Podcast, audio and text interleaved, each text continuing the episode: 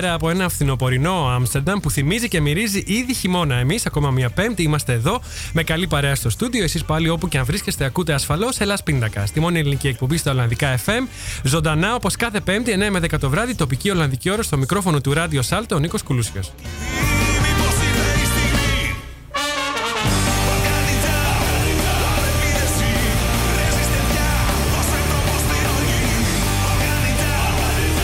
Εκπέμπουμε ζωντανά από το δημοτικό σταθμό του Άμστερνταμ. Υπάρχουν τρεις τρόποι για να μας ακούσετε live. Αν αγαπάτε το συμβατικό ραδιόφωνο και βρίσκεστε στο Άμστερνταμ, θα μας βρείτε στο ράδιο Σάλτου στο 106,8 των FM και καλωδιακά στο κανάλι 103,3 πάλι και μόνο στην περιοχή του Άμστερνταμ αυτά τα δύο. Ενώ διαδικτυακά μας ακούτε παντού στον κόσμο από το ελάσπιντακά.com, το site μας με ένα κλικ στο κουμπί Listen Now.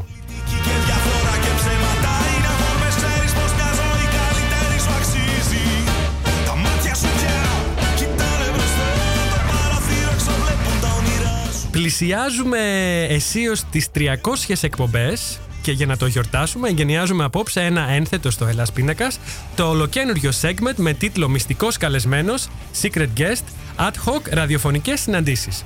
Ελάτε να γνωρίσουμε την πρώτη μυστική μας καλεσμένη, φιγουράρει ήδη στο μπάνερ της εκπομπής, ανώνυμα βέβαια. Οι φίλοι της την κατάλαβαν αμέσως. Οι υπόλοιποι ίσως και να την έχετε πετύχει κάπου, αν μένετε χρόνια στο Άμστερνταμ, γιατί σίγουρα δεν περνά απαρατήρητη και είναι και υπερδραστήρια.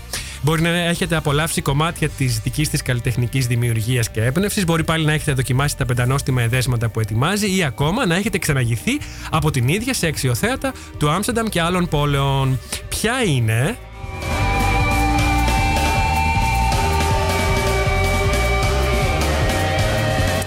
Αν είστε χρήστης λάτρης των social media, θα μας βρείτε σε όλα τα κοινωνικά δίκτυα, στη σελίδα μας σε Facebook, Twitter και Instagram.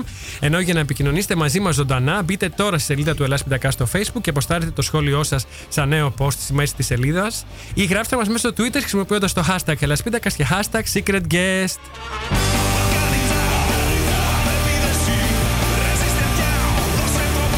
Το κομμάτι που ακούμε τώρα λέγεται Balkan Ninja, ανήκει στους Μπαίλτισα. Εντείνει μουσικά την άνοιξη της εκπομπής κάθε Πέμπτη και ευχαριστώ την μπάντα που μου το παραχώρησε για το Ελλάς Πίντακας.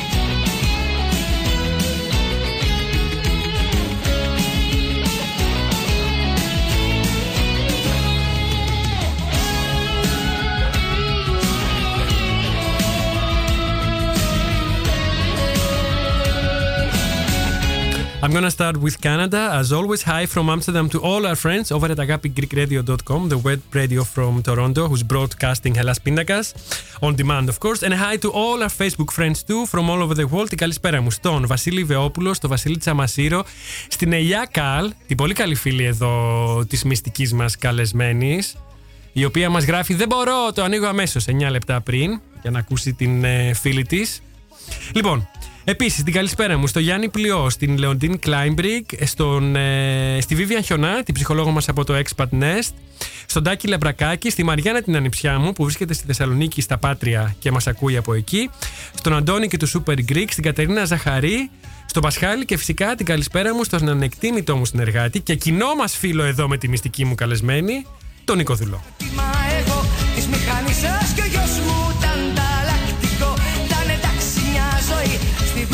Δούλεψη σας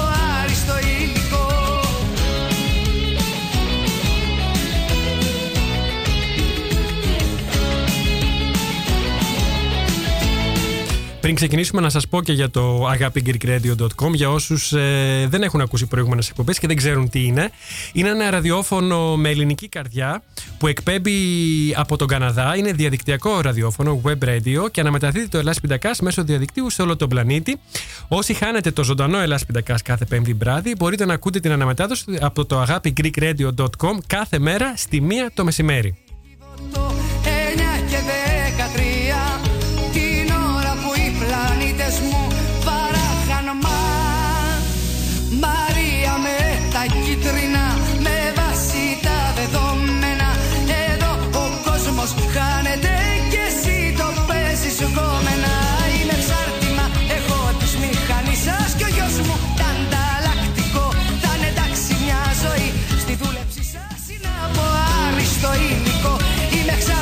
Βέβαια, όλες τις εκπομπές μας on demand ε, μπορείτε να τις ακούτε και από το site μας elaspitakas.com στην ενότητα εκπομπές ή απλά μέσα από το κανάλι μας στο SoundCloud από όπου μπορείτε και να κατεβάζετε όποια εκπομπή θέλετε πατώντας το κουμπί download.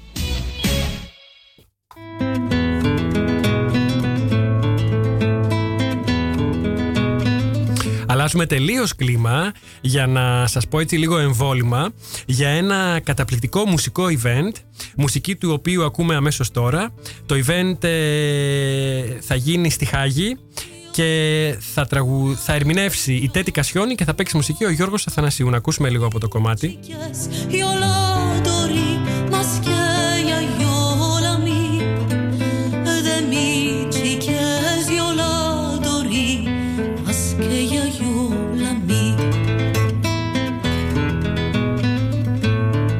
Καλή φίλη της εκπομπής και οι, και οι δύο, και ο Γιώργος και η Τέτη. Το event λέγεται In a World Cinema, Τέτη Κασιόνη and Γιώργος Αθανασίου. Γίνεται το Σάββατο 2 Νοέμβρη, μεθαύριο δηλαδή, στις 8 το βράδυ, στο Corcho Studio, Princess Strat 42, στη Χάγη.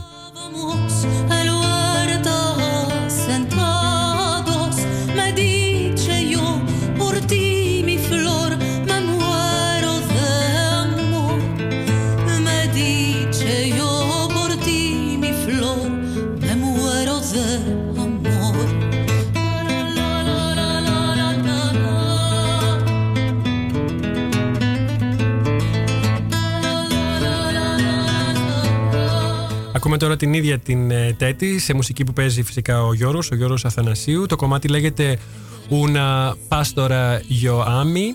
Ε, λοιπόν, είναι World Cinema, Τέτη Κασιόνη και Γιώργος Αθανασίου, το Σάββατο 2 Νοέμβρη μεθαύριο στις 8 το βράδυ στο Κόρτσο Studio στη Χάγη. 10 με 15 ευρώ είναι ανάλογα με την κατηγορία που ανήκετε, το εισιτήριο. Και στο event αυτό η Τέτη θα ερμηνεύσει, όπως καταλάβατε, τραγούδια από το κινηματογράφο και μάλιστα τον ελληνικό κινηματογράφο με τον Γιώργο να τη συνοδεύει μουσικά.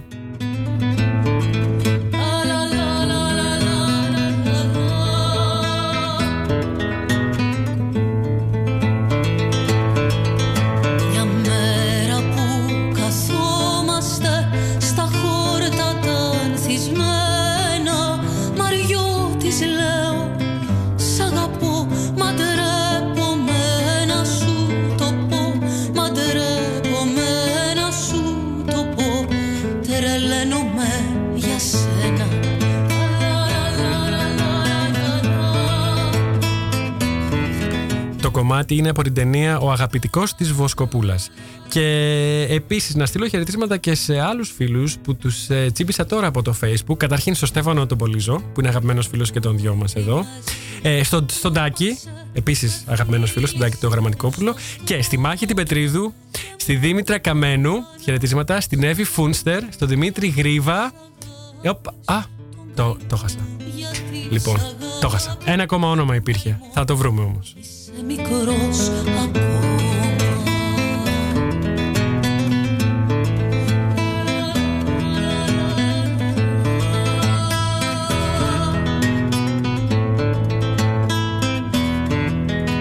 Τα βρήκα τα άλλα δύο ονόματα. Είναι μάλλον ε, φίλοι της μυστικής μας καλεσμένης, γιατί εγώ δεν τους γνωρίζω από τα ονόματά τους τουλάχιστον. Είναι ο Παναγιώτης Ελευθεράτος και η Ανθή Μπόγιαρη. Μπόγιαρη. Λοιπόν, θα μας τα πει σε λίγο η μυστική μας καλεσμένη. Πάμε να ακούσουμε το πρώτο κομμάτι που διάλεξε η ίδια, μάλλον το δεύτερο κομμάτι που διάλεξε για απόψε η ίδια, για να την. Ε, ε, σας την αποκαλύψουμε κιόλας σιγά σιγά.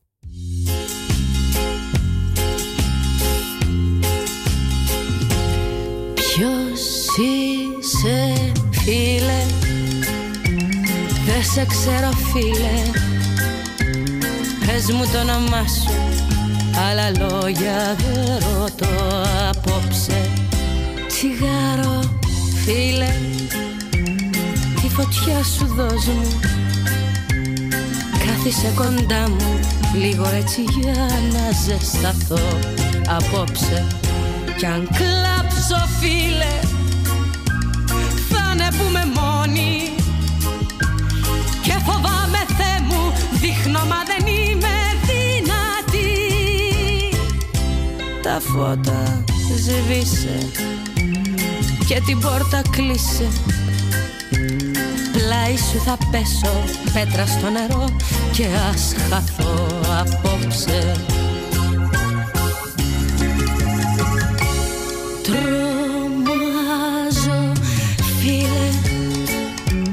Να με συγχωρήσει η Τάνια, αλλά θα αρχίσω να μπαίνω σιγά σιγά στο ψητό, στο προκείμενο, γιατί έχουμε πολλά να πούμε, πολλά να ακούσουμε και έχουμε και ένα νέο ένθετο στο Hellas Pindakaas απόψε, ένα νέο θεματικό concept με τον τίτλο «Μυστικός καλεσμένος Ad Hoc Radio Encounters». Να πω κάποιο ψέμα πρέπει να βρω πάλι Για να πω απόψε Μη φεύγεις φίλε Η ιδέα του μυστικού καλεσμένου δεν είναι και τόσο πρωτότυπη. Η ραδιοφωνική της εκδοχή όμως έχει ακόμα περισσότερο ενδιαφέρον πιστεύω. Το όλο ζήτημα είναι, βρίσκεται στο suspense που δημιουργεί η μη κοινοποίηση του ονόματος του καλεσμένου και φυσικά στο γεγονός ότι κάθε τέτοια εκπομπή θα είναι και μια μικρή έκπληξη σε όποιον την ακούει. Κάποιο τρόπο θα βρω για να ξεχαστώ και πάλι απόψε Φίλε Θα συντονίζεστε δηλαδή στο Ελλάς Πιντακάς χωρίς να γνωρίζετε επακριβώς ποιον ή ποια θα ακούσετε. Αρκετά εντριγκαδόρικο. Όσο για τον υπότιτλο, το ad hoc ραδιοφωνικές συναντήσεις, εδώ θα κάνουμε μια μικρή παρένθεση, ειδικά για όσους δεν κάνατε λατινικά στο Λύκειο, ούτε σπουδάσατε νομικά.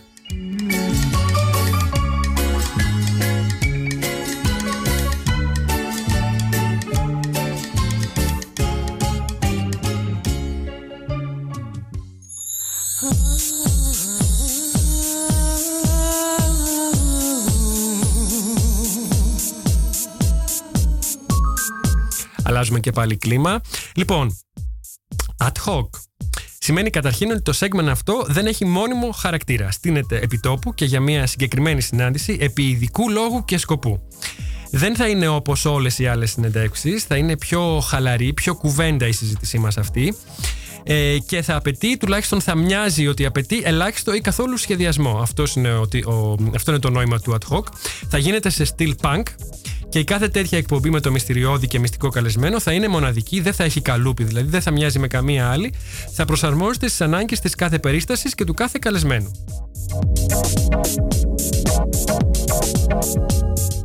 Ακούμε τώρα Δήμητρα Γαλάνη και το κομμάτι Στέλλα. Ε, να συνεχίσω και να τελειώσω τη μικρή εισαγωγή και μετά θα πούμε και για το κομμάτι αυτό και θα μιλήσουμε και με την ίδια την Τίνα, τη μυστική μας καλεσμένη. Λοιπόν, πλησιάζοντα το ορόσημο των 300 εκπομπών, ήθελα να βρω μια ιδέα για να, νεώ, να ανανεώσω το φόρμα της εκπομπής και η ιδέα ήρθε τη βραδιά της συναυλίας της Πρωτοψάλτης. Εκεί γνώρισα από κοντά φίλους, πολλούς, ανάμεσά τους και την Τίνα, που ως τότε ήμασταν μόνο δύο γνωστοί άγνωστοι στο Facebook. Το πρώτο πράγμα λοιπόν που μου βγήκε αυθόρμητα χωρίς πολλή σκέψη και προετοιμασία, ατάκα και επιτόπου, να κάνω ήταν να τους καλέσω στην εκπομπή όπως και το έκανα. Γι' αυτό είναι ad hoc η ραδιοφωνική αυτή συνάντηση. Ελλάς Πιντακάς λοιπόν επί ειδικού σκοπού και λόγου, φτιαγμένο με υλικά punk, στο χέρι και στο πόδι, ε, επενδυμένο με μουσική του ίδιου του μυστικού καλεσμένου. Στην περίπτωση αυτή η Ντίνα διάλεξε όλα τα κομμάτια απόψε. Και διανθισμένο με μικρές σκόρπιες ad hoc ιστοριούλες και σχόλια εδώ και εκεί, ατάκτο ερημένο όπως λέει και το ρητό. Λοιπόν, καλησπέρα Ντίνα. Καλησπέρα, Νικό. Αποκαλύπτουμε ότι η μυς- η μυστική μας καλεσμένη είναι η Ντίνα Ρούσου. Πες μας δύο λόγια για το τρίτο κομμάτι που ακούμε από αυτά που διάλεξες, το δεύτερο μάλλον. Τη Δήμητρα Γαλάνη με τον Κωνσταντίνο Β στη μουσική, το κομμάτι Στέλλα. Γιατί το διάλεξες το κομμάτι αυτό, Καταρχήν έτσι ξεκινήσαμε να γνωριζόμαστε. Ναι, Σου είπα ότι σε αυτό το κομμάτι έχει παίξει ο σκύλος μου. Έκανα Ο- την παραγωγή για το βίντεο κλιπ. ναι. Ε, μ, παλιά όταν έμενα στην Αθήνα. Δεκαετία 90. Ναι, κάπου Ναι, εκεί. ναι, ναι. Ναι, τέλος. Ναι, τέλος, ναι. 90. Και μ, παίζει ο Mr. Muffles που ήταν Ναι. εκεί μαζί μας γιατί θα περνάγαμε όλη μέρα σε αυτό το κτήμα που γίνεται το, όπου γινό, γινό, γυρίστηκε το βίντεο κλιπ. Και είχα μαζί και το σκυλί το οποίο το σκυλί ήταν ε, όπως είπες και εσύ ήταν λίγο punk έκανε τα δικά τους Είναι ένα κανισάκι που βλέπουμε Αλλά στο κανισάκι βίντεο. λευκό, ναι. Λευκό, ναι, ναι, ναι. Μια σταλίτσα. Αχα, αχα. Αυτό. Δεν ζει πια. Ήρθαμε μαζί όμως στο Άμστερνταμ. Τον έφερες εδώ όταν ήρθες; Ήρθαμε μαζί αφού είμαστε οικογένεια. Πω, πω. Ναι. Και κάπως έτσι ήταν και η σύνδεσή μας. Ναι, Γι' αυτό ναι. και το πρώτο κομμάτι. Ωραία, να το ακούσουμε; Τα μάτια σου είναι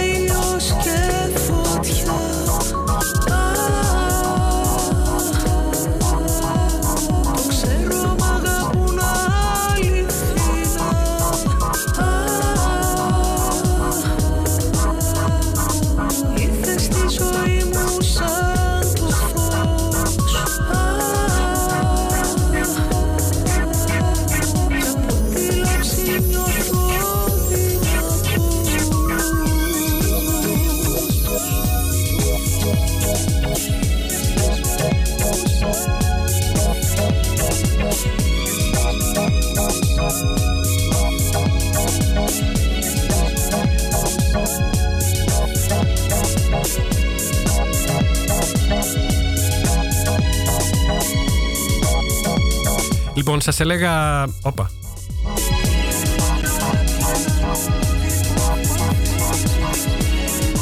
Εδώ μπερδευτήκαμε λίγο με τα κουμπιά. Λοιπόν, σας έλεγα πριν για το ad hoc και ήθελα να τελειώσω αυτή τη μικρή εισαγωγή ε, εξηγώντας γιατί επιλέξαμε αυτό το concept.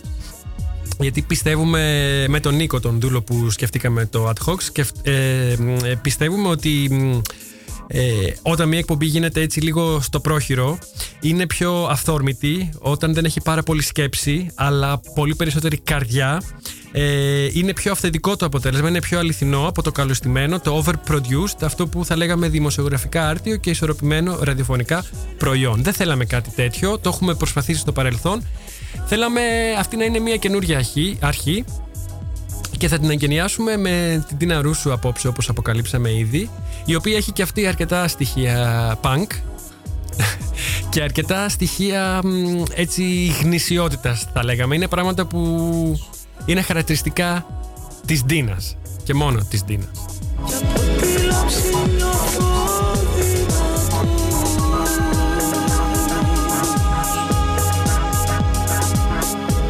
Και αφού η συναυλία της Άλκης της μας ε, ένωσε με την Τινάν και ήμασταν χρόνια φίλοι στο facebook ε, πρέπει να πω για τις φωτογραφίες που έβγαλε ο Σπύρος ο Γκόγκας και ε, μου τις έδωσε χθες το βράδυ χθες το βράδυ Νομίζω έκανα ένα μικρό άλμπουμ με, με μία επιλογή που έκανα από τις φωτογραφίες. Ε, το ανέβασα στο facebook, στο, στη σελίδα μας, στο Ελλάς Πίντακας.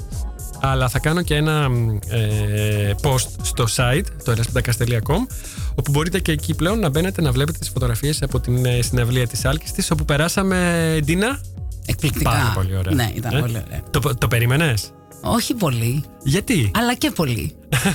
Όχι πολύ, αλλά και πολύ. ναι, είχαμε ωραίο παρεάκι. Ναι, είχαμε. είχαμε. Ήταν φωνάρα. Είχαμε, Ήταν είχαμε, πολύ είχαμε. ωραία η ενορχήστρωση, τα φώτα τους. Ήταν πολύ ωραία παραγωγή και Ναι. ήταν μια πολύ ωραία βραδιά. Τι σου έχω τώρα όμως; Τι μου έχει. Φτωχός, κουρασμένος, σκυφτός, ανθρωπάκος Των ταπεινών και των άλλων πουλιών φυλαράκος Για δε μ' αφήνετε ήσυχο, άστε με ήσυχο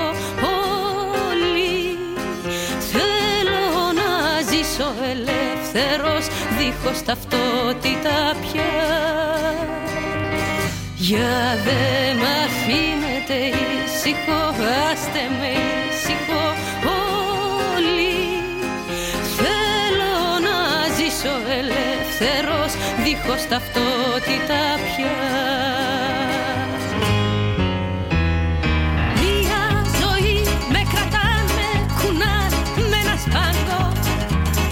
Λόγια,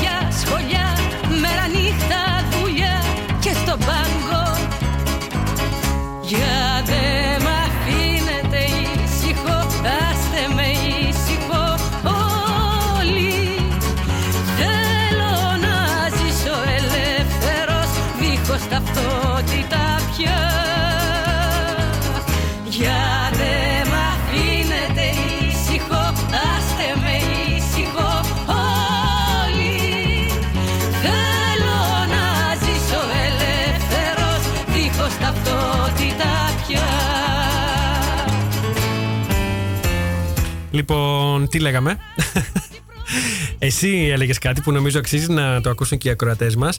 Ε, μου είπες ότι αυτό το τραγούδι σου θυμίζει το πώς και το γιατί έφυγες από την Ελλάδα. Ναι, Εξή- λίγο. Εξήγησε το μας. Ναι, λίγο. Ναι. Αφήστε με ήσυχο. Θέλω να πάω να Σε κάνω εγώ τέτοιο τα κλίμα, δικά σε τέτοιο μου. Έχω κλίμα έφυγες. δουλειές. ναι. Ε, κάπως σαν να με... Αυτή σαν ήταν να η στερούσε διάθεσή ρε σου. παιδί μου η φάση. Ναι, ήταν κάπως θέλω να κάνω άλλα πράγματα.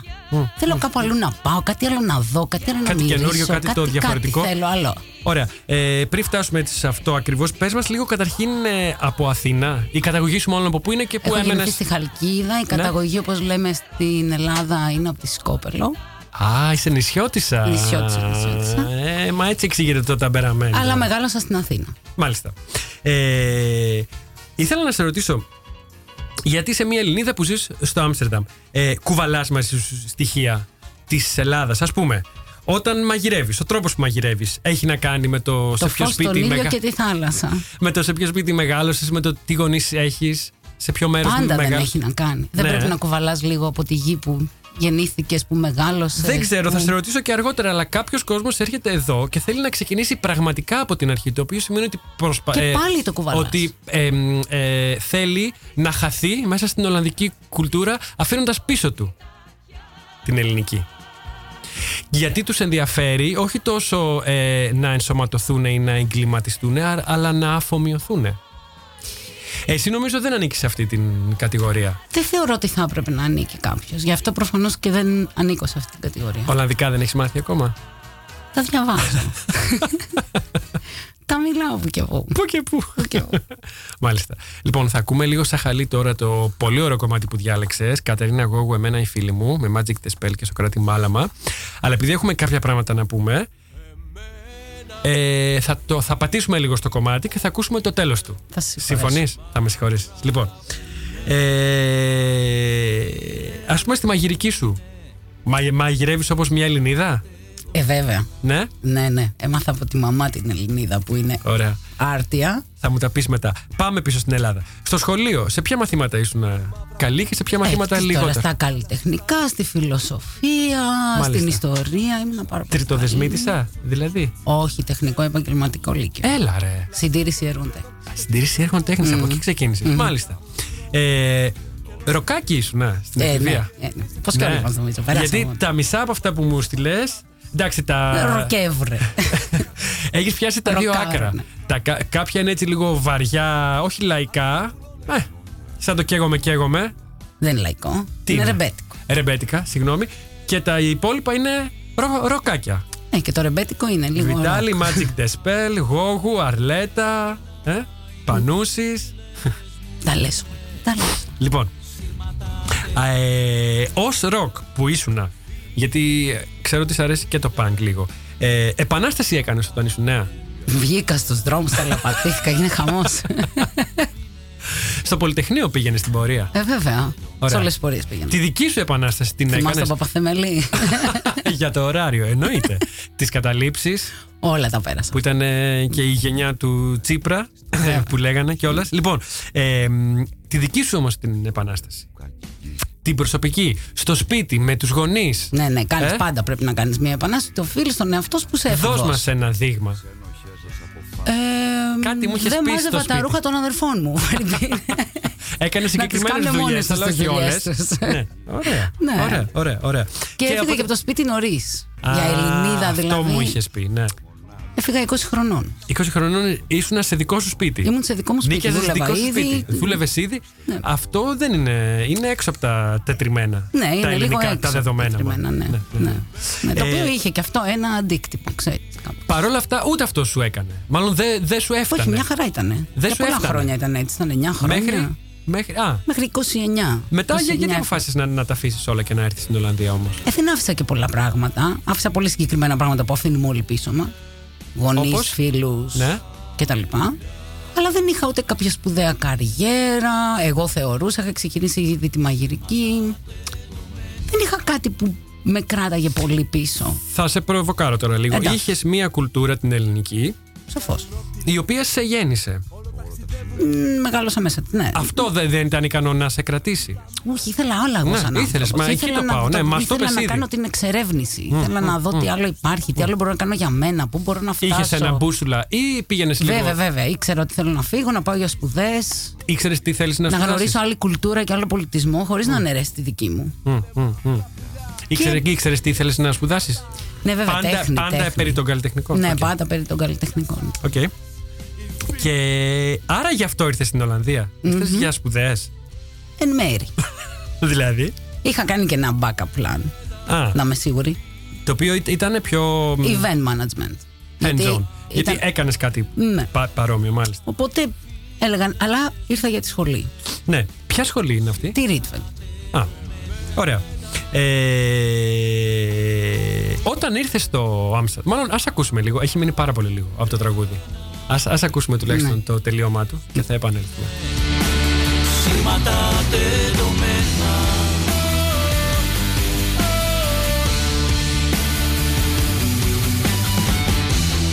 Όλο ταξιδεύουν οι φίλοι μου γιατί δεν τους αφήσατε σπιθανή για σπιθανή. Όλοι οι φίλοι μου ζωγραφίσουν με μαύρο χρώμα γιατί τους τριμάξατε το κόκκινο. Γράφουνε στη συνθηματική γλώσσα γιατί η δική σας μόνο για γλύψιμο κάνει. Οι φίλοι μου είναι μαύρα πουλιά και σύρματα στα χέρια σας, στο λαιμό σας. Οι φίλοι μου. Αφήνουμε σιγά σιγά τους φίλους της Κατερίνας Γόγου με Magic the Spell και Σοκράτη Μάλαμα στη μουσική και θα περάσουμε σε ένα άλλο κομμάτι ε, που διάλεξε φυσικά η Ντίνα είναι του Φίβου Δελιβοριά η Bossa Nova του Ισαΐα και θέλω να μου πεις Ντίνα γιατί; Είναι πολύ ωραίο κομμάτι, το έχουμε παίξει, το έχουμε ξεσκίσει όπως τα λέγαμε στην εκπομπή αυτή Ε, πα- μια και δεν θα τον παλιότερα. χορέψω ποτέ το χορό. το Ισαΐα. Είπα να το παίξουμε. και να είναι μια μποσανόβα. φυσικά. Μήπως λίγο είσαι επηρεασμένη από το γεγονός ότι θα έρθει; Μπορεί και αυτό. Ναι, λοιπόν, μάθαμε όσο ήμασταν στην ε, συναυλία της Άλκης της ότι θα έρθει και ο Φίβος Δελιβοριάς. Πότε ήτανε, μέσα στο Μάρτιο; Όχι, όχι, Δεν το πιο συγκάτσα. νωρίς. Θα τα ξαναπούμε. Δεν Ναι, πειράζει και στις Γενάρη. επόμενες εκπομπές. Γενάρη μάλλον, ναι. Νοβέμπερ, μήπως. Θα έρθει επίσης η Αγγελική του Μπανάκη που θα τη φέρει πάλι ο μ, φίλος μας ο Arc for Art, ο Δημήτρης ο Κρανιώτης. Και ο Δημήτρης μας αποκάλυψε ότι μάλλον μέσα στον Μάρτιο ή Απρίλιο θα έρθει και η Νατάσα Μποφίλιο. Ε, ωραία. Λοιπόν, πάμε να ακούσουμε Φίβο Δελιβοριά, η μπόσα νόμα του Ισαΐα και επανερχόμαστε.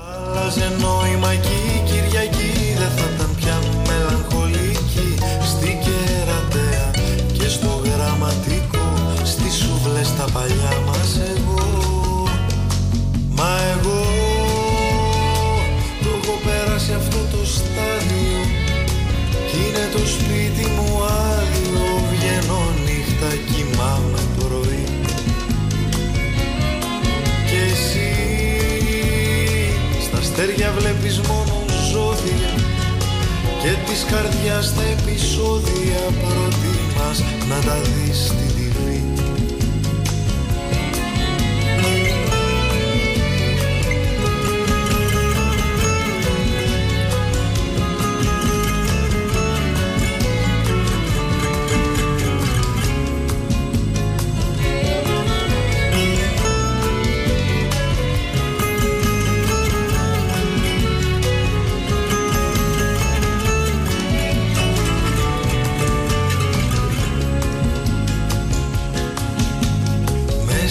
σένα της Λιμνούπολης, της Metro Golden, της Φινός Films, ο Ντόναλντ Ντακ, ο Κλαρ και ο Βουτσάς, Ματέος θα περιμένουν για μας.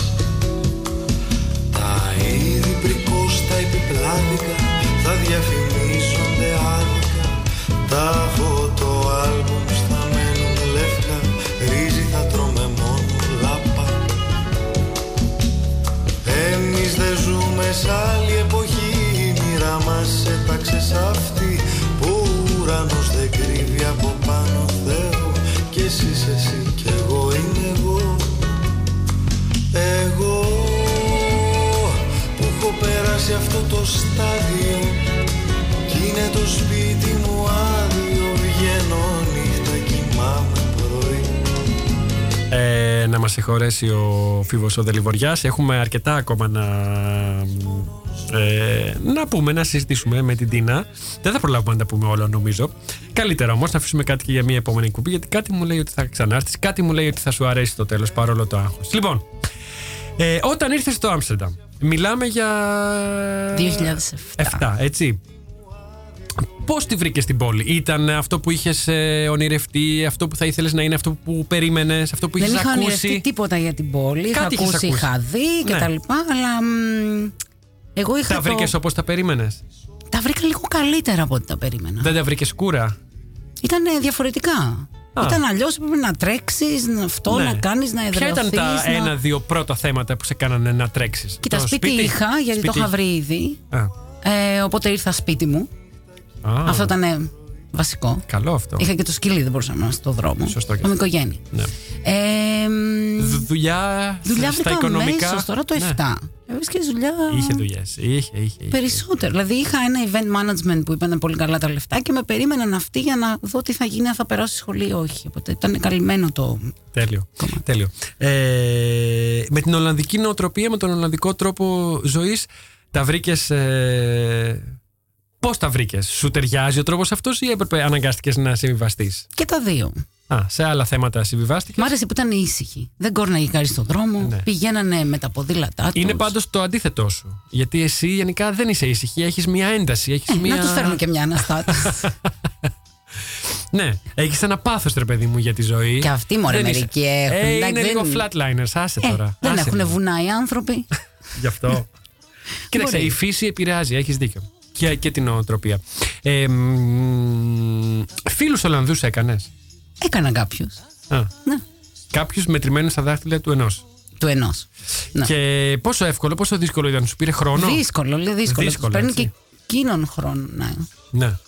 σε γνωρίσουν. Ε, Θες να μου πεις και για το φίλο σου, από πού είναι; Ολλανδός. Ναι. Ναι. Πώς έγινε; Ε, Ιντερνετικά, φυσικά. Αλήθεια. Είμαστε μοντέρνος ζευγάρι. Tinder. Περίπου. και Είχαμε κοινού γνωστούς, αλλά Ιντερνετικά, γιατί δεν μένεις σε αυτή την πόλη. είναι μένεις στο καλλιτέχνης, χρόνο. είναι μουσικός, γιατί πώς τα βρίσκεται; Είναι Δεν, ε, animator. Ε, ωραία. Ναι. Άρα Κάνει είναι βίντεο, λίγο φωτογραφία. καλλιτέχνης, έχεις και Είμαι εσύ το καλλιτέχνης, καλλιτεχνικό.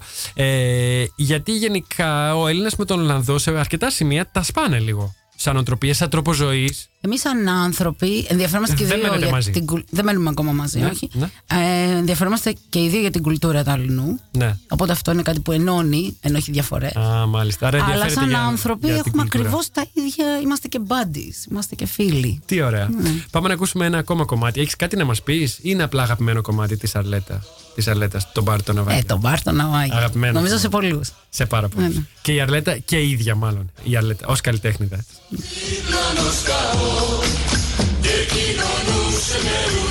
καλλιτέχνηδα.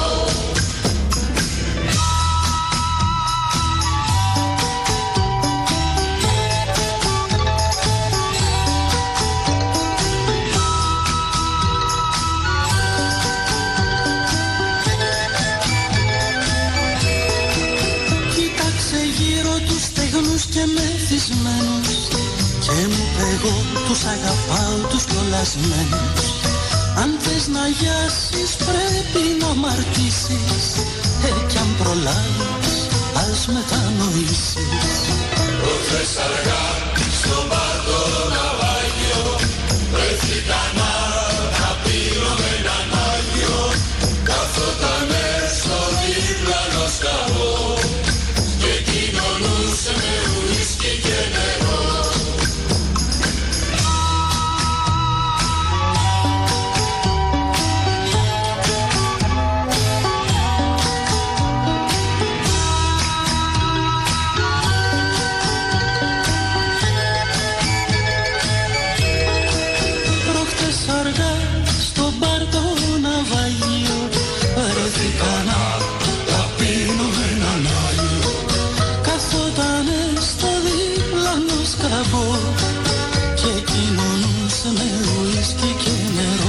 Λοιπόν, σε ρώτησα για τους Ολλανδούς, για τους φίλους σου τους Ολλανδούς, για το σύντροφό σου που είναι Ολλανδός. Τώρα θέλω να μου πεις με τους Έλληνες εδώ. Κάνεις παρέα, θα έλεγε ότι κάνεις περισσότερη παρέα με Έλληνες; Παρά με Ολλανδούς. Ναι. ναι, σίγουρα, αλλά η παρέα μου γενικά έχει πολλές διάφορες κουλτούρες. Ναι.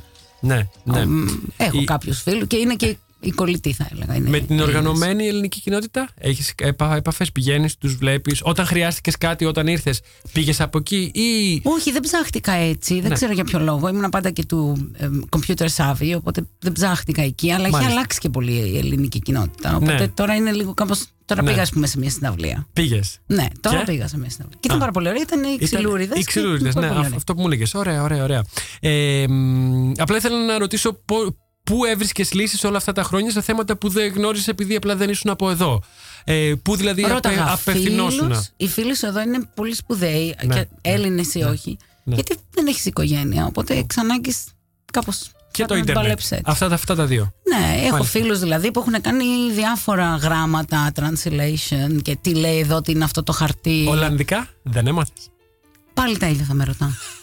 Α, το είπαμε. Ναι, ναι, Μετά και κάναμε έμαθα. μία, μία νί- νήξη, αλλά εδώ κολλάει και με το θέμα. α, Στην θέλω να σε αρχή ρωτήσω που αν δεν σου ξέρεις, χρειάστηκαν. δύσκολη γλώσσα. Ναι, αν σου δεν μου χρειάστηκαν. χρειάστηκαν. Δηλαδή Δεν σου ήρθα, χρειάστηκαν. Στο μαγείρευα και Άμστερνταμ. ήμουν στη Ρίtveld που μιλάγαμε αγγλικά. Ακριβώς, ακριβώς. Οπότε δεν είχα και την ανάγκη. Αλλιώς φυσικά αν είναι η δουλειά σου θα το μάθεις, ρε παιδί μου, άρτιο. Ναι. Εγώ το ξέρω έτσι ντε, ντε μη. Ναι. Ε, Ένας από τους λόγους που δεν τα έμαθες άρτια τα Ολλανδικά ήταν και γιατί ήθελε να ζήσεις εδώ με τους δικούς σου όρους. Να μην σου επιβάλλει Όχι, κανείς. τώρα ότι... θέλω να τα μάθω. Δεν είναι Άλλο όρο, αυτό. είναι μια συ- άλλο, σύμβαση. Άλλο, άλλο το να θέλεις να το μάθεις. Και άλλο Ναι. αυτό που μου έλεγες στο σπίτι λίγο πριν, ότι το πρώτο πράγμα που σε ρωτούσαν ήταν ότι δεν μιλάς Ολλανδικά. Καλά, τώρα περίμενε και αυτοί μιλάσαν για το πρώτο εξάμεινο. Δηλαδή. Δεν έχει σημασία. Έπαιξε Σου αυτό και λέει στη σχολή, να έρθεις αλλά το πρώτο προετοιμασμένος. εξάμεινο. Ναι, δεν μπορείς ναι. να είσαι προετοιμασμένο. Ξέρω έναν άνθρωπο και έχω γνωρίσει πολλούς. Μα δεν σου το λένε ακόμα και τώρα που έχουν περάσει και χρόνια. Ενώ τώρα που έχουν περάσει και χρόνια δεν στο λένε. Ναι, το Και λένε. δεικτικά κιόλας. Ναι, ναι, ναι, ναι, ναι. Αλλά τώρα πρέπει να τα μάθεις. Δεν νιώθεις άσχημα. Πρέπει. Νιώθεις Ε, δεν μου λίγο. αρέσει το πρέπει, μου αρέσει το θα Όχι, είναι το πρέπει του θέλω. εαυτού σου. Το θέλω, το δέχομαι. Το ορίζεις πρέπει εσύ. δεν δέχομαι. Ναι. Αυτό. Ε, για τη Ρίτσφελ θέλω μόνο να μου πεις να κάνουμε μια μικρή νήξη. TST Dog Time. Α, dog time. Ναι. Dog time είναι το part-time education του Rietveld. Της Α, Rietveld. Απογευματινό. Είναι απογευματινό. Το κάνεις Ωραία. βέβαια ε, κατά μία έννοια full time και το κάνεις πέντε χρόνια. Α, μάλιστα. Επειδή Οπότε είναι βγαίνεις- λιγότερες μπαίνεις οι στα ώρε. 29, βγαίνεις μεγάλος. Τύπου Ήσουν η γηραιότερη. μεγαλύτερη. στο Όχι, δεν τμήμα. ήμουνα, γιατί είχε, το- Είχε κι άλλους. Ε, το πρόγραμμα της, του Dog Time είναι Ναι. και η φάση ότι είναι για μεγαλύτερους. Ου, ου. Είναι για αυτούς που δεν προλάβανε, κάνανε άλλα πράγματα Που έχουν πριν. παράλληλα δουλειές, που έχουν. Ναι, ανοίγει δηλαδή σε ένα υποχρεώσεις. ευρύτερο και, και κοινό και έχει και διαφορετικό curriculum. Απευθύνεται Αχα. πιο πολύ σε ότι είσαι ζωγράφος. Μπορεί να μην έχεις Οκ. ένα, μια, ένα τεχνικό κομμάτι άρτιο, αλλά έχει να κάνει με το πώς μπορείς να εκφραστείς. Και είναι πολύ ιδιαίτερο στον, ε, στον καλλιτέχνη που θα γίνει καλλιτέχνη. Στο Εσύ μαθητή. σπούδασες ε, ζωγραφική; Όχι, εγώ σπούδασα σε ένα από τα δύο τμήματα της Dog Time, Ναι. γιατί έχει δύο. Τώρα Ναι. τα έχουν χωρίσει πιο πολύ, είναι πιο ζωγραφική και πιο έτσι. Οκ. Το alternative, το Ναι. unstable media.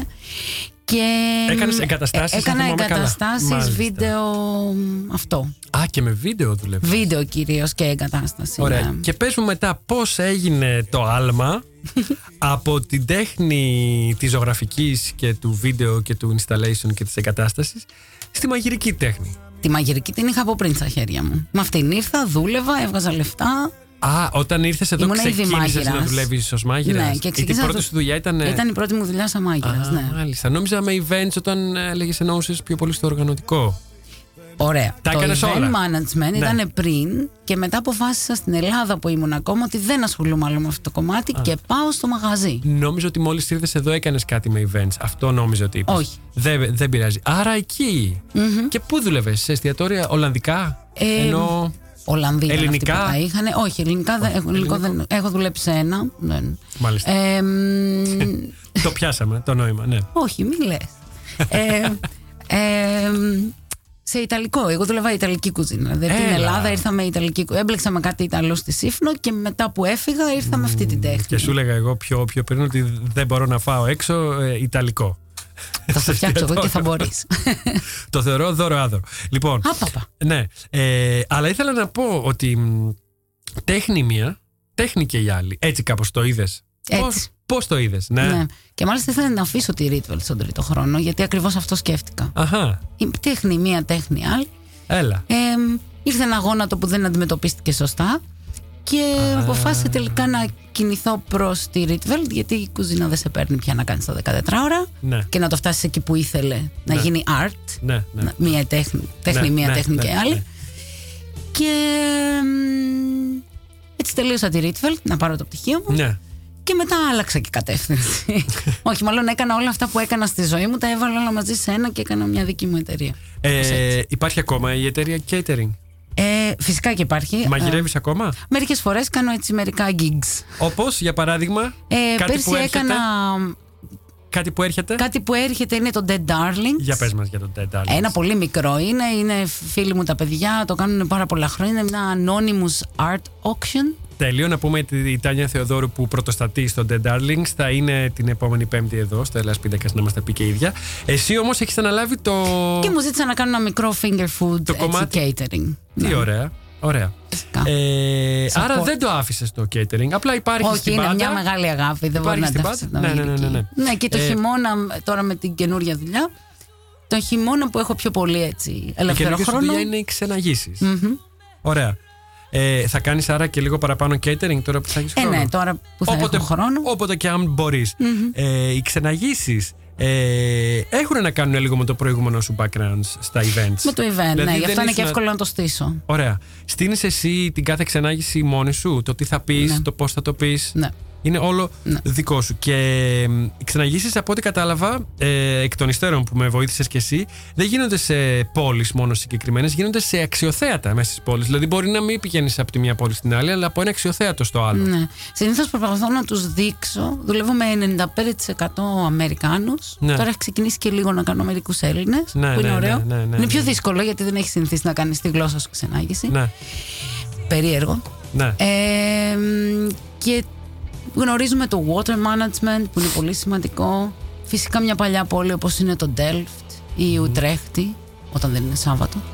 Ε, μ, Όταν έχουν κάτι χαρακτηριστικό να επιδείξουν στην ναι, κουλτούρα και τους, έχουν πολλά. Και, η- Στη, στη χειροτεχνία. Στο, ναι, κάνουμε Delft Blau που είναι πολύ Πήγαινες, σημαντικό. ε, κάνουμε φάρμες. στα τυροκομικά, στις Βέβαια, φάρμες, βέβαια. ναι, ναι, Στους ναι. ωραίους, ωραίους. Προσπαθώ να κάνω πράγματα τα οποία είναι λίγο off the beaten track. Να, να μην είναι αυτά τα που τα βρίσκεις ρε παιδί μου να τα κάνεις και μέσα από ένα ενδεχομένως πιο, φτην, πιο φθηνή ξενάγηση Έτσι, με έτσι group. μαγειρεύεις Δεν κάνω κιόλας. group. Αυτό, αυτό Λίγο. είναι λίγο φιλοσοφία ζωής. Ναι. Ναι. Προσπαθώ off, off the beaten τουλάχιστον. track.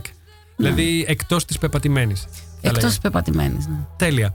Ε, στα αγγλικά γίνονται οι ξεναγήσει. Είπες κυρίως με Αμερικάνους. ναι, οπότε στα αγγλικά. Σε καμία, δεν γλώσσα μιλάνε δεν το έχεις ελληνικά. δοκι- σε καμία γλώσσα δεν το έχεις Στα δοκιμάσει. ελληνικά τώρα, το οποίο είναι δύσκολο, ξέρεις. Γιατί έχεις σετάρει τι λες και ξαφνικά Ναι, πρέπει ναι, να το ναι, ναι, ναι. μεταφράσεις. Και εμείς, ειδικά που ζούμε χρόνια εδώ και μπερδεύουμε τις λέξεις. Lost in Από τη μια translation. γλώσσα στην άλλη, άσε τώρα. Λοιπόν, ε, τι ήθελα κάτι ακόμα να σε ρωτήσω. Α, ναι, για το μαγείρεμα κάτι τελευταίο. Πριν ακούσουμε πάλι το τελείωμα του Τα παιδιά της γειτονιάς, τον Ιμάμ Παλτή, ήθελα να σε ρωτήσω ε, πώς μαγειρεύεις. Ξέρω ότι βάζεις πολύ πάθος.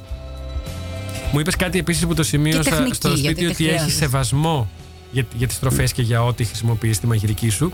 Ε, ήθελα να σε ρωτήσω ποιο πιστεύεις ότι είναι το ατού σου στο μαγείρεμα. Αυτά τα δύο. Επίσης, αν μαγειρεύεις με συνταγές ή αν αυτοσχεδιάζεις. Και τα δύο.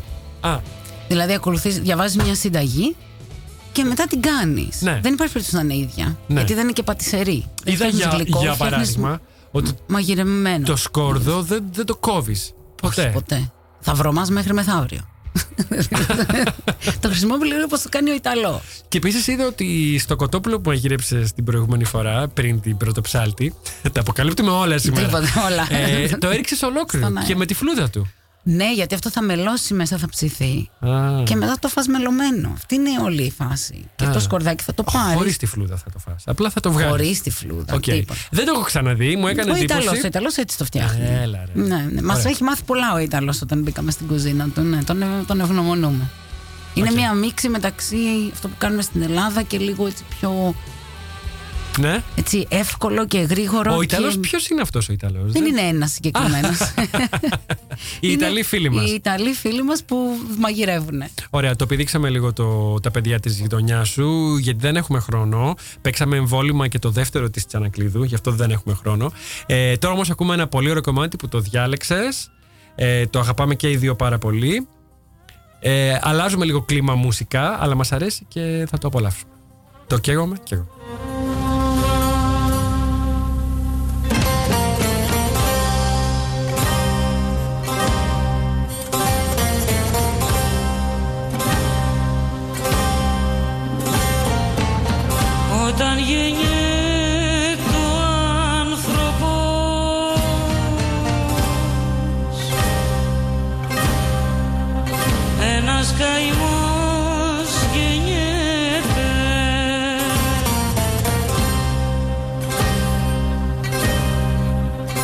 Κι όταν φουντώνει ο πόλεμος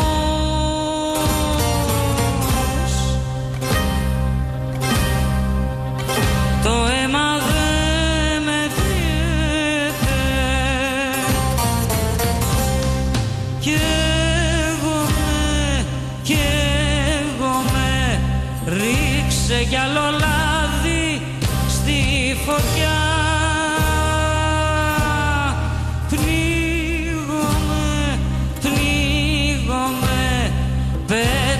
σε θάλασσα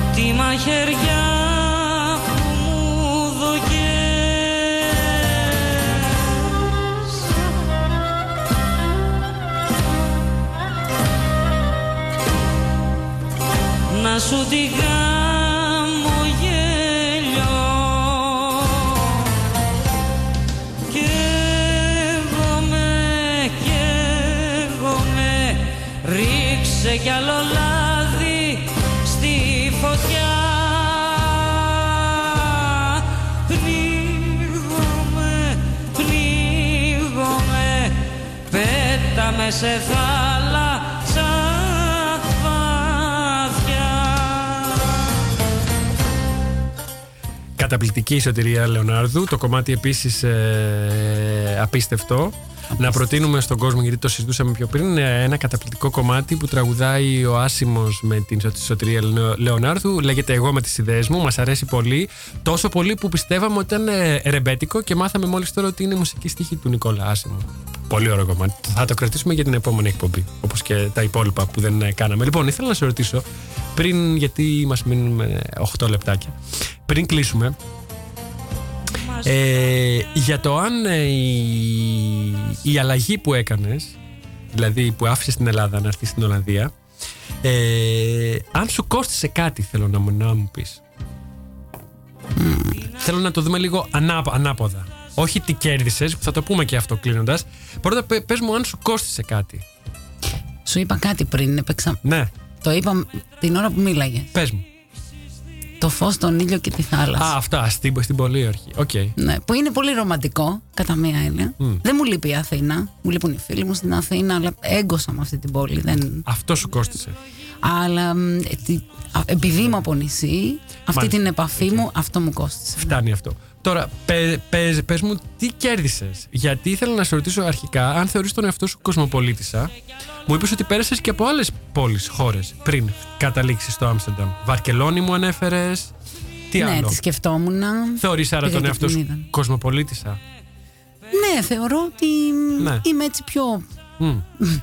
Θέλω Και- να ψάχνομαι, να πάω Ωραία. πιο πέρα. Να, Ωραία, ναι, συμφωνώ, να συμφωνώ. ανοίξει το σύνορο. Άρα, ε, ποια είναι η σημασία του να είναι κανείς κοσμοπολίτης και να είναι κοσμογυρισμένος; Τι σημαίνει στην ουσία για ένα, για ένα Νομίζω μυαλό; κερδίζεις πολλά πράγματα. Είναι σαν να κάνεις ένα ταξίδι. Ανοίγεσαι, γίνεσαι πιο ανοιχτός. Ανοίγει και το μυαλό σου. Ναι. Και το μυαλό σου, Οι και η ορίζοντες καρδιά σου. σου, οι ορίζοντές σου. Και πρέπει να έρθεις και έτσι. Να έρθεις και λίγο προετοιμασμένος. Με τέτοια διά, διάθεση. Ναι, πρέπει να είσαι πάντα ανοιχτός και χωρίς να το κριτικάρεις. Φω, παφ. Ναι. Ανοιχτό, έτσι. Άρα, χωρίς να μιας και- χάνεσαι. μιας και φτάσαμε σε, αυ- σε αυτό που λες, ε, ήδη το κάνεις μάλλον, αυτό που θα σε ρωτήσω. Ε, σε όλους τους, εξ, τους expats που βρίσκονται εδώ στην Ολλανδία ή σε αυτούς που θέλουν να έρθουν, τι θα έδινες ως συμβουλή; Ξεκινώντας Αυτό. από αυτό, να, Αυτό να που έχουν είπαμε. ανοιχτό μυαλό και ανοιχτούς ορίζοντες. Να είσαι ανοιχτός χωρίς να χαθείς. Δεν Ναι. χρειάζεται να χάσεις ούτε την ταυτότητά σου, την cultural, Ναι, ούτε τον εαυτό σου. ναι. Να έχεις μια κριτική ικανότητα και να την αναπτύσσεις, αλλά να έρθεις, με, αν- να έρθεις ανοιχτός στη διαφορετικοτητα Γιατί είναι άλλος αυτός ο λαός και ο κάθε λαός είναι διαφορετικός. Αλλά αυτό θα μπορούσε και να μας ενώνει αντί να μας χωρίζει. Ναι. Και ξέρω, είναι λίγο κλισέ, αλλά όλα τα κλισέ είναι αλήθεια. Ναι, ναι. Με την Ελλάδα ήθελα να σε ρωτήσω, ταυτίζεσαι; Βέβαια. σε ποια σημεία νιώθεις ένα με τη χώρα σου; Και για να το κάνω Όχι, ακόμα δεν λίγο ένιωσα πιο ποτέ ένα. συγκεκριμένο να το κάνω λίγο ακόμα πιο- και να αγγίξουμε λίγο την επικαιρότητα στα τελευταία 6 λεπτά της εκπομπής σε εκφράζει αυτή τη στιγμή ο νεοέλληνας και η νοοτροπία του απόλυτα Όχι, αγαπώ τον Πανούση. Άστε να ακούσουμε λίγο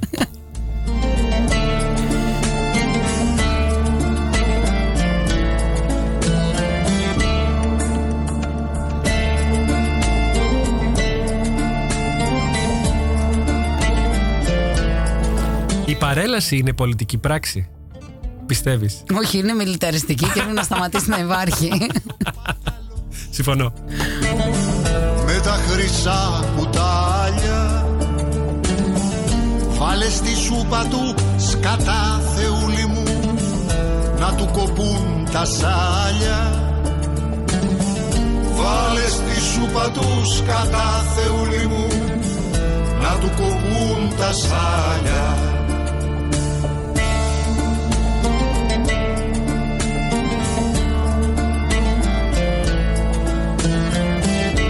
Και μία τάκα πάνω στο θέμα της παρέλασης. Παρέλασης. Θεωρώ ότι είναι μιλιταριστικό και πρέπει να σταματήσει να υπάρχει, αλλά η τιμή σε αυτόν που χάθηκε και πολέμησε για την ελευθερία σου θα πρέπει να δινεται Σε άλλη μορφή. Με όποιο τρόπο δημιουργικό έχει ο καθένας να επιδείξει. Και με ένα συλλογικό μιας κοινωνίας. Άλλο αυτό, αλλά μιλάμε και για τις μαθήτριες. Ε, Τώρα τα κορίτσια καλά κάνανε. ακριβώς, αυτό λέω. Εντάξει, δηλαδή. Δεν εξυπηρετεί. Να, να σπάει λίγο το τη καλούπι. μνήμη Να του. σπάει το καλούπι λίγο. Σίγουρα. Όπως και η εκπομπή μας αυτή. Να σπάμε τα καλούπια. Βαλτούς θεούλη μου και τους ευρωμασόνους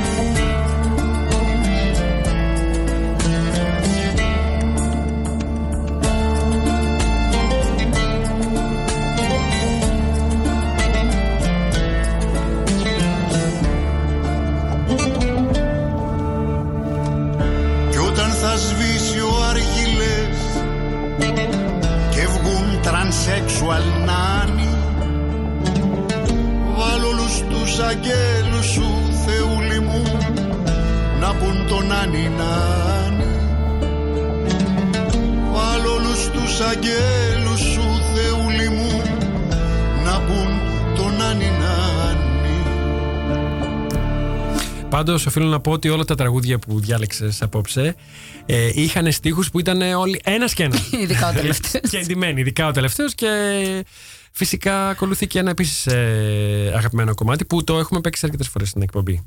Ρο, ροκάκι. Φυσικά είναι οι, οι τρύπες. Λοιπόν, ε, φτάσαμε στο τέλος, Ντίνα. Ωραία. Σε ευχαριστώ Βέβαια. ιδιαίτερα που ήσουν εδώ μαζί Εγώ μας ευχαριστώ. Που ήσουν και η πρώτη μας μυστική καλεσμένη. Είσαι καταπληκτική στο ραδιόφωνο. να σε καλά. Όπως και στη ζωή. Να σε Έχεις το καλά. ίδιο πάθος, την ίδια ένταση, την ίδια ζέση. Ε, και είσαι καλεσμένη για όποτε θελήσεις να έρθεις. Είσαι in advance, Προς. ε, θεωρείσαι καλεσ- καλεσμένη. Δεν χρειάζεται καν να σε καλέσω. Ακόμα και, κατσικωθώ, και πρόσεχε. για βόλτα, αν θες να περάσεις. Σε οποιαδήποτε εκπομπή. Όπως για παράδειγμα στην επόμενη εκπομπή της επόμενης Πέμπτης που θα έχουμε στο στούντιο την καλή σου φίλη την Τάνια τη Θεοδόρου για να μας μιλήσει για το event Dead Darlings το οποίο θα κάνεις και mini catering. Ένα mini catering. ναι. Ωραία. Δεν θα της το χαλάσω, θα την αφήσω την πομπή για την τάκη. Όχι, έτσι, έτσι, έτσι. Λοιπόν, έχεις να πεις κάτι τελευταίο είναι να Έχω να σου κλείσω; κάνω ένα δώρο. Πες μου. Γιατί θεωρώ ότι Ναι. το Hellas Pinta Cast Ναι. είναι καταπληκτικός τίτλος. Τέλεια. Και ο φίλος μας ο Πανούση που έπαιζε πριν Ναι. είχε κάνει μια μ, ε, παραγωγή η οποία Να. λεγόταν Hell Us. να δει ο ποπός της κολάσεως. και θεωρώ ότι είναι τέριασε. Μερσή. Μερσή. Θα το χρησιμοποιήσω σε μια ανάλογη εκπομπή που θα κάνουμε με τραγούδια του Πουπανούση και έτσι λίγο αστεία, με τα καμένα ή κάτι άλλο είχες είχες πει να κάνουμε. Τι Τα είχες πει να σκέτα. κάνουμε; Τα σκέτα. Λοιπόν, εμείς κάπου εδώ σας λέμε χουιενάφων, κλείνουμε με τρύπες δεν χωράς πουθενά και ανανεώνουμε το ραντεβού μας για την επόμενη Πέμπτη, πάντα σε 9 το βράδυ, τοπική ώρα από το ράδιο Σάλτο. Μας ακούτε και σε αναμετάδοση κάθε μέρα στη 1 το μεσημέρι από το αγάπη greekradio.com. Ακολουθεί η εκπομπή Finger Popping Soul εδώ στο ράδιο Σάλτο. Μέχρι την επόμενη Πέμπτη να είστε καλά και να περνάτε ακόμα καλύτερα.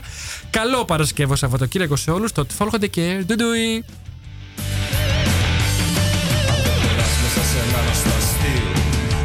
Φτάνει μια σκληρή προσευχή. Αν δεν χωράς μέσα σε ένα ψυχοπορνί Αν δεν χωράς ένα σπασμένο κορμί.